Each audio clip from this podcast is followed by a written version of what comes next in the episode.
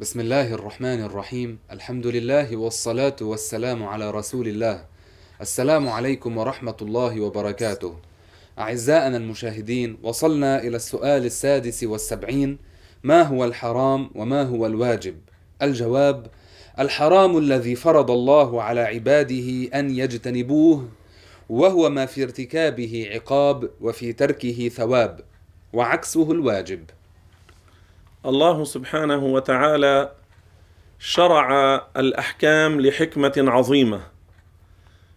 أنزل هذه الشريعة لمصلحة العباد.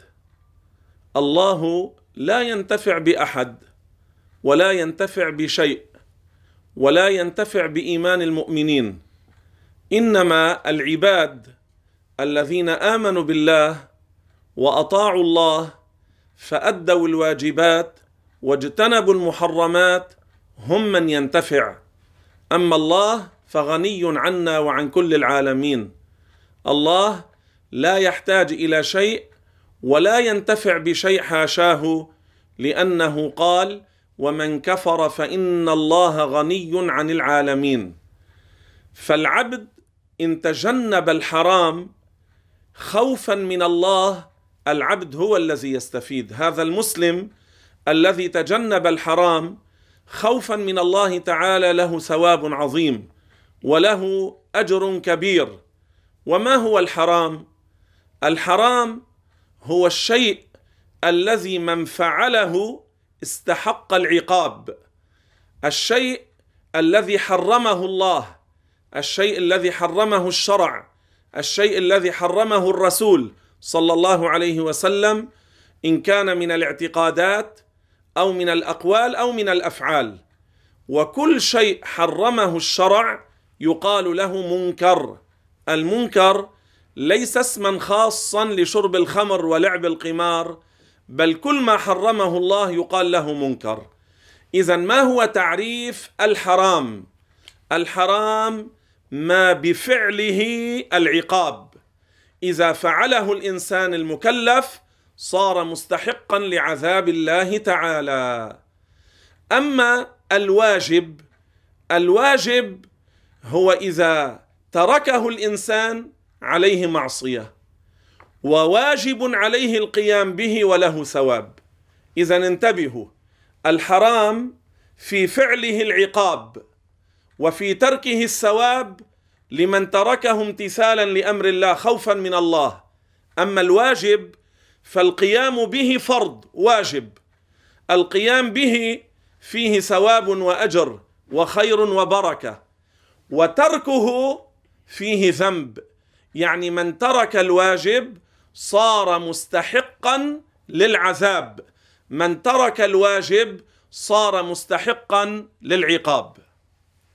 السؤال السابع والسبعون أعط بعض الأمثلة عن اعتقادات كفرية. الجواب من دان بدين غير الإسلام أو لم يصدق بآية في القرآن أو لم يؤمن بنبي من الأنبياء المعلوم من الدين بالضرورة نبوته أو اعتقد حل أمر حرمته معلومة من الدين بالضرورة.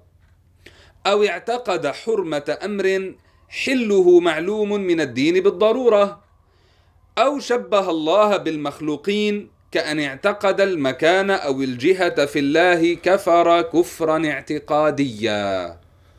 الكفر الاعتقادي محله القلب. وقد تكلمنا في تعريفه في بداية كتاب أحكام المرتدين أو في باب الردة. فإن اعتقد في قلبه أن دينا غير الإسلام يكون صحيحا أو مقبولا أو مباركا أو معظما أو محترما يكون اعتقد ما يخرجه من الإسلام. كان مسلما فاعتقد بشيء من هذه الاعتقادات يكون صار مكذبا للقرآن. أو هو دان بغير عقيدة الإسلام اعتقد عقيدة تكذب الإسلام. هذا يقال له كفر اعتقادي. أو كذب القرآن اعتقد في قلبه أو قال بلسانه. يعني هذا كفر قولي وهذا كفر اعتقادي. فإن اعتقد في قلبه أن القرآن كذب أو أن هذه الآية كذب هذا يقال له كفر اعتقادي. أو والعياذ بالله تعالى أنكر نبوة نبي من الأنبياء المجمع على نبوته كموسى وعيسى كإبراهيم كآدم كمحمد. نبوة من علم من الدين بالضرورة أنه نبي فاعتقد أنه ليس نبيا. يكون والعياذ بالله جحد وكذب نبوة هذا النبي وكذب الإسلام لأنه كذب ما علم من الدين بالضرورة أنه من الإسلام لأن الإسلام جاء بذلك. أو كذلك اعتقد أن البيع حرام مطلقا. اذا هذا اعتقد تحريم ما أحله الله. اعتقد أن شرب الماء حرام. اعتقد أن التنفس حرام. هذه عقيدة كفرية.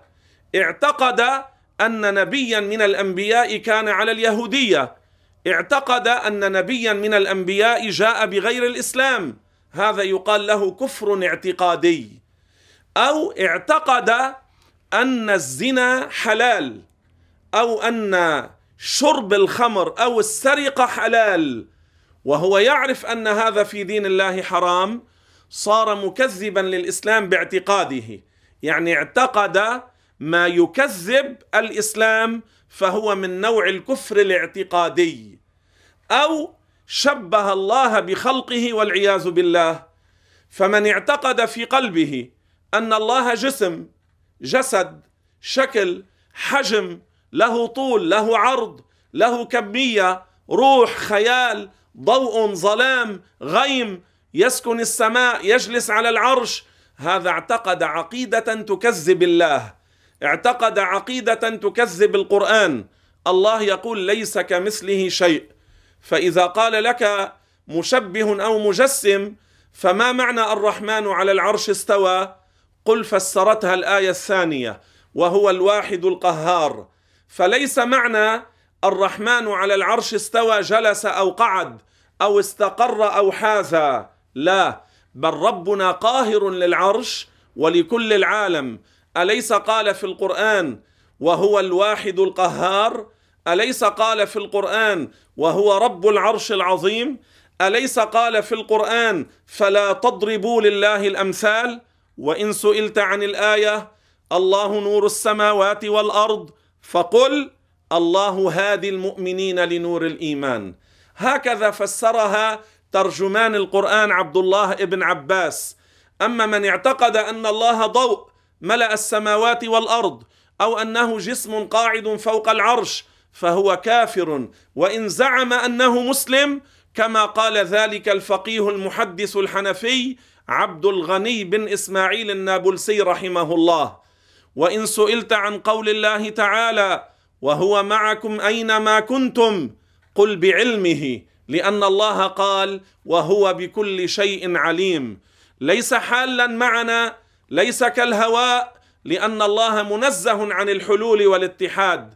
اذا الآيات المتشابهات لا يجوز أن تحمل على الظاهر بل لها معنى يليق بالله.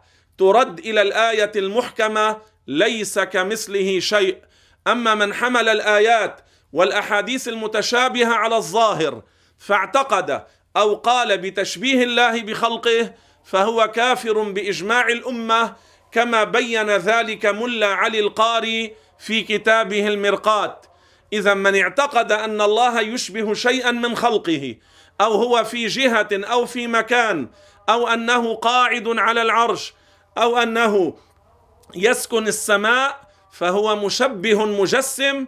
وقد نقل العلماء الإجماع على كفر المجسمة.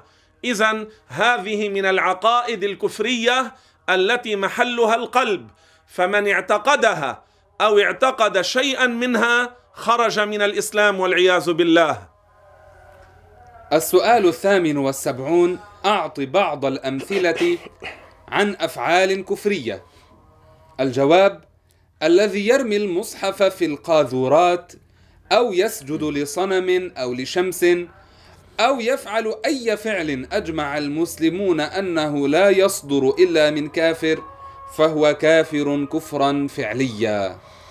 الكفر الفعلي هو الذي يصدر من البدن من الجوارح من الأعضاء أو من بعضها لو من جارحة واحدة. هذا يقال له فعل لكنه فعل كفري يعني يخرج من فعله من الإسلام إن كان مسلما. وإن فعله الكافر ازداد كفرا. عندما نقول يخرج المسلم من الإسلام ليس معنى ذلك أنه يجوز للكافر أن يفعل الفعل الكفري لا حتى الكافر هذا حرام عليه وإن فعله ازداد كفرا إلى كفره والعياذ بالله. اذا الفعل المخرج من الإسلام هو الفعل الكفري كالدوس على المصحف والعياذ بالله. وكما يفعل بعض السحره قاتلهم الله الذين عظم ضررهم على الأبدان والأموال وعلى الناس والبلاد. هؤلاء السحرة أراح الله منهم البلاد والعباد منهم من يعمل اعمالا كفرية يفعل فعلا كفريا ليرضى عنه الشيطان. مثلا بعضهم والعياذ بالله يكتب القرآن يعني شيئا من القرآن سورة أو بعض السورة كآية أو آيات بالبول والعياذ بالله أو بدم الحيض. هذا من جملة الفعل الكفري يعني أفعال كفرية. ومنهم ماذا يفعل؟ يأخذ ورقات من المصحف عليها سورة كاملة مثلا أو آيات معينة يمزق هذه الورقات من المصحف الشريف ثم يلفها ويضعها والعياذ بالله في حفرة الخلاء. لماذا؟ ليرضى عنه الشيطان لينفذ له الشيطان ما يريد ليشتغل معه الشيطان. ومنهم ماذا يفعل؟ يكتب شيئا من القرآن على العورة المغلظة لبعض الذين يأتون إليه والعياذ بالله. وهذا استهزاء بكتاب الله استخفاف بالقرآن فهو مخرج من الإسلام. يعني هذا الساحر الذي كتب والذي مكنه من الكتابة. يعني الشخص الذي جاء إلى الساحر ومكنه من أن يكتب له على عورته المغلظة شيئا من القرآن كلاهما كفر. كلاهما خرج من الإسلام والعياذ بالله تعالى. ومن الأفعال الكفرية ما يحصل أحيانا من بعض الناس في البيوت. يكون عندهم مصاحف قديمة تهرأت أوراقها. مضت عليها مدة طويلة. ماذا يفعل بعض الناس إن كان من الرجال أو النساء؟ يقولون هذا المصحف تهرأت أوراقه تمزقت تناثرت يأخذونه ويلقونه والعياذ بالله في القاذورات. يلقونه في المزابل. هذا يقال له فعل كفري والعياذ بالله تعالى.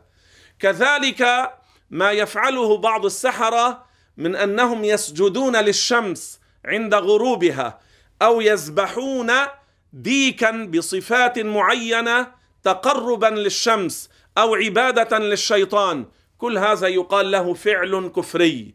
كذلك الذي يبصق والعياذ بالله على الكعبة الشريفة أو على المصحف المبارك هذا يقال له فعل كفري.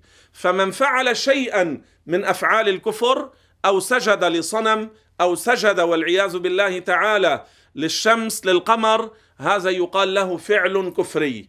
وكل فعل أجمعت الأمة أنه لا يصدر إلا من كافر ففعله من كان مسلما ارتد وخرج من الإسلام. هذه أمثلة عن بعض الأفعال الكفرية المخرجة من الإسلام. السؤال التاسع والسبعون أعط بعض الأمثلة عن أقوال كفرية. الجواب الذي يشتم الله أو الرسول أو الدين الإسلامي أو الكعبة أو يستخف بالجنة أو بوعيد الله الذي لا يخفى عليه نسبة ذلك إليه سبحانه أو يستهزئ بالصلاة أو بالحج فهو كافر كفرا قوليا. والقاعدة أن كل عقد أو فعل أو قول فيه استخفاف بالله أو ملائكته أو أنبيائه أو وعده أو وعيده أو شعائر دينه فهو كفر. فليحذر الإنسان من ذلك جهده على أي حال. وأما السؤال الثمانون فقد تقدم شرحه باستيفاء والحمد لله تعالى. من جملة الأقوال الكفرية الأقوال لأنها تصدر من اللسان يعني يقال فلان قال كذا أو هذا قول كفري يعني الإنسان يقوله يتلفظ به. يقال له الكفر القولي أو الكفر اللفظي لأنه تلفظ به. والكفريات القولية كثيرة جدا بل بعض العلماء ألف في ذلك الكتب كما سبق لنا معكم أن عرضت لكم عددا من الكتب التي ألفت في هذا الموضوع.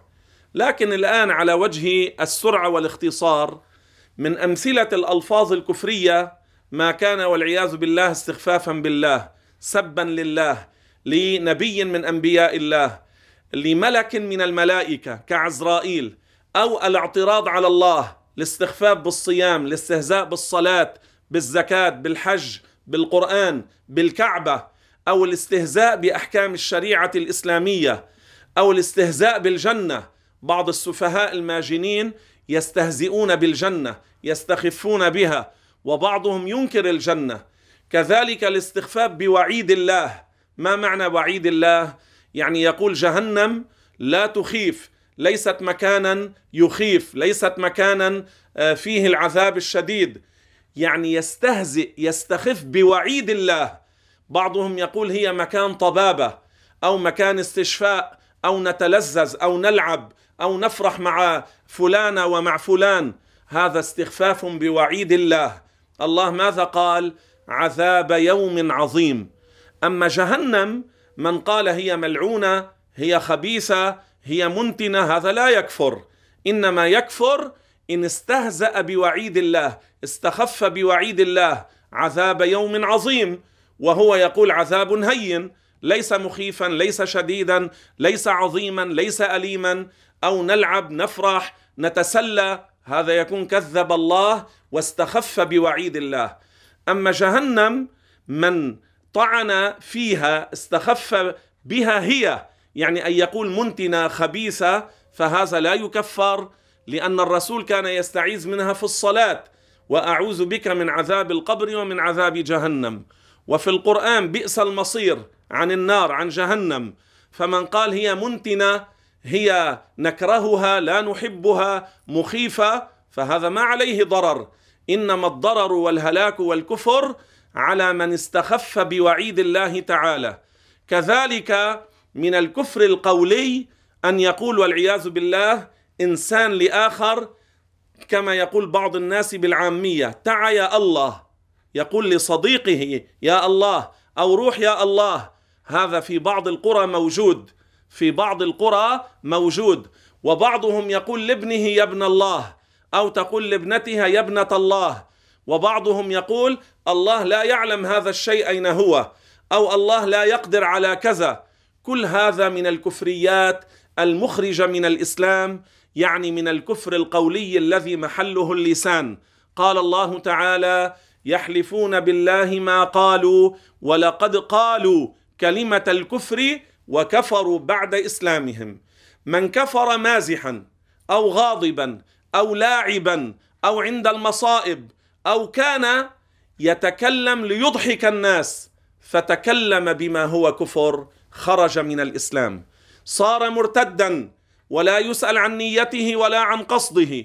ولا ان كان شارحا صدره ولا ان كان عارفا بحكم المسألة ولا يسأل إن كان ناويا الخروج من الإسلام. كل هذه الشرائط لا اعتبار لها وقد تكلمنا عنها فيما سبق. اذا كيف يرجع للإسلام؟ بالنطق بالشهادتين. بقول لا إله إلا الله محمد رسول الله. أما إن قال أشهد فيكون أحسن. يعني لو قال أشهد أن لا إله إلا الله وأشهد أن محمد رسول الله أحسن أفضل. لكن لو قال لا إله إلا الله محمد رسول الله يصح بالإجماع. ولكن انتبهوا بعض الناس إلى الآن لا يعرفون النطق بالشهادتين فيقولون أشهد أن لا إله إلا الله. يقولون أشهد أن لا إله إلا الله. لو قال أشهد أن لا إله إلا الله أما أشهد أن لا إله إلا الله لا تعطي المعنى المطلوب. فاذا بالنطق بالشهادتين يرجع للإسلام. ليس بقول أستغفر الله اللهم اختم لنا بكامل الإيمان تقبل منا صالح الأعمال أعتقنا الله وإياكم من النار تقبل منا ومنكم الصيام والقيام. اللهم يا ربنا أعد علينا هذا الشهر بالخير واليمن والبركات بالتوفيق والنصر والتأييد بتفريج الكروبات بشفاء المرضى بتوسعة الرزق الحلال. إنك على كل شيء قدير. تقبل الله منا ومنكم صالح الأعمال. والسلام عليكم ورحمة الله وبركاته.